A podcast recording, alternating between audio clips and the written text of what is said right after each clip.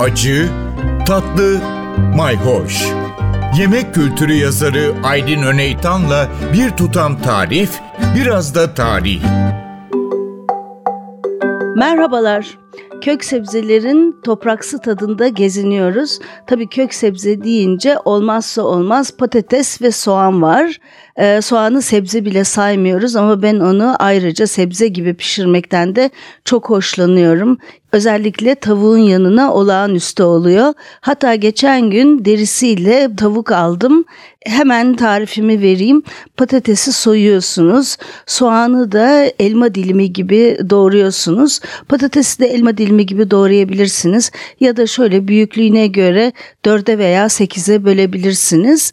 Bunları tavuğun etrafını dizeceksiniz. Azıcık yağlayıp ama burada otlar devreye giriyor. Her zaman biberiye çok yakışıyor, ada çayı çok yakışıyor. Ama ben bu sefer mercan köşk kullandım ve birazcık da sarımsak tozu kullandım. Sonra da derili but tavuk almıştım. Tavukların derisiyle eti arasına incecik soğan dilimleri yerleştirdim. Tabii tuzlanmış olarak. Derinin üstünü de birazcık kırmızı biberle ovaladım. Hepsini birlikte aynı tepside fırına う。İnanılmaz güzel, lezzetli bir e, yemek oldu. Tabii hiç e, tavuk suyunu salıyor birazcık. Sonra da biraz alt üst ediyorsunuz. O e, patates ve soğanla inanılmaz güzel oluyor. Tabii kök sebzelerin en önde geleni patates dedik ama yer elmasını unutmamak lazım. Yer elmasını biz nedense sadece zeytinyağlı yapıyoruz. Yer elması konusunu da daha önce işlemiştik. Ama ben yer elmasını çorba olarak da çok seviyorum. Güzel topraksı tadı, hafif tatlı tadı sütle de kremayla da çok yakışıyor. Şimdi yapacağınız şu, yer elmasını soyacaksınız. Bu arada sadece fırçalayabilirsiniz, soymanız gerekmiyor. Tabi soyunca kabukları atmıyoruz. Bütün kök sebzelerde kereviz özellikle yer elması, havuç bunların hepsini şöyle bir haşlayıp bir sebze suyu elde etmek mümkün ve çorbalarda bunu kullanmak mümkün.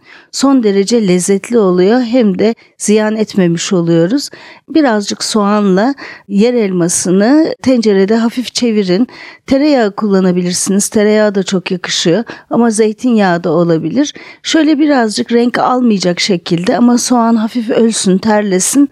Ondan sonra üstüne gene böyle yaptığımız bir sebze suyu veyahut da tavuk suyu koyabilirsiniz. Ya da sadece su. Haşlayın iyice ne yumuşasın. Şimdi ben burada biraz krema ekliyorum. Ama eğer su yerine süt koyarsanız Ayrıca da e, kremaya gerek yok.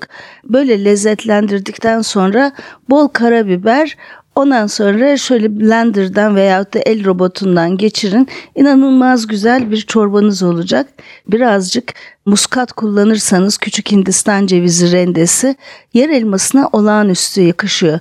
Bir numarada biraz üstüne incecik dilimleyip kızarttığınız mantar koyabilirsiniz çorbaya. İnanılmaz yakışacak. Gene yer elmasının kendisinden birkaç tane ayırıp incecik cips gibi dilimleyip kızartıp üstüne böyle kıtır gibi koyarsanız inanılmaz güzel olacak. Yer elması ile ilgili fikirlere devam edeceğiz. Takipte kalın, hoşça kalın.